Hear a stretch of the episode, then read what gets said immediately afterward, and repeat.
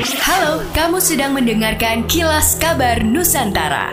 Podcast persembahan KG Radio Network menyajikan berita harian yang mengangkat keunikan dari berbagai wilayah Indonesia. Kilas Kabar Nusantara dapat juga didukung oleh pengiklan loh. Hingga Oktober 2021, Provinsi Jawa Barat sudah menyuntikkan 24 juta dosis vaksin 19 bagi warganya. Ketua Harian Satgas Penanganan COVID-19 Jawa Barat, Dewi Sartika, mengatakan jumlah masyarakat yang telah mendapatkan vaksin dosis pertama sekitar 21 juta orang lebih. Adapun untuk dosis kedua sekitar 12 juta orang lebih dan kecepatan rata-rata vaksinasi COVID-19 di Jawa Barat dalam tujuh hari terakhir mencapai lebih dari 300 ribu dosis per hari. Diketahui Provinsi Jawa Barat sendiri hingga saat ini sudah menerima lebih dari 44 juta dosis dan hampir seluruhnya sudah terdistribusikan ke kabupaten atau kota.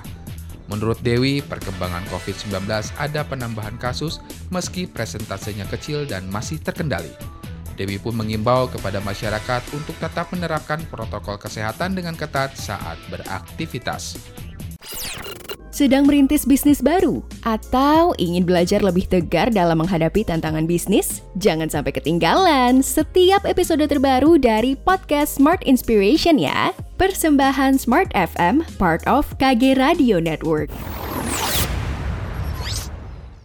Gubernur Sulawesi Selatan nonaktif Nurdin Abdullah yang dulunya dikenal sebagai salah satu kepala daerah berintegritas dan bebas korupsi saat ini harus berhadapan dengan sejumlah kasus yang menyeret namanya keranah korupsi. Setelah terjaring operasi tangkap tangan OTT KPK bersama bawahannya Edi Rahmat dan kontraktor Agung Sucipto dalam perkara suap dan gratifikasi sejumlah proyek infrastruktur lingkup pemerintah Provinsi Sulsel, fakta persidangan di Pengadilan Negeri Makassar juga menguak keterangan para saksi. Di antaranya terkait adanya intervensi Nurdin Abdullah kepada bawahannya untuk memenangkan tender. Tidak hanya itu terungkap pula peran Nurdin Abdullah yang cukup aktif menerima uang dari para kontraktor dengan modus sumbangan. Jaksa penuntut umum JPU KPK M. Asri Irwan mengaku prihatin dengan kasus yang menimpa Gubernur Sulawesi Selatan nonaktif itu. Apalagi Nurdin Abdullah mendapatkan penghargaan bergengsi Bung Hatta Anti Corruption Award atau Bung Hatta Award. Kepala BPS Sulawesi Utara Asim Saputra menyebut, meski kondisi ini menunjukkan perbaikan dari kondisi bulan Agustus kemarin,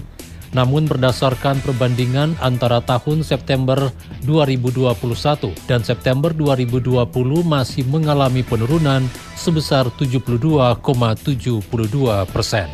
Hal lain yang ditunjukkan dalam rilis BPS adalah kondisi rataan lama tamu yang menginap di Sulawesi Utara yang pada bulan September 2021 mencapai 33,11 persen atau mengalami perbaikan dibandingkan kondisi Agustus 2021 dengan tumbuh sebesar 21,02 persen.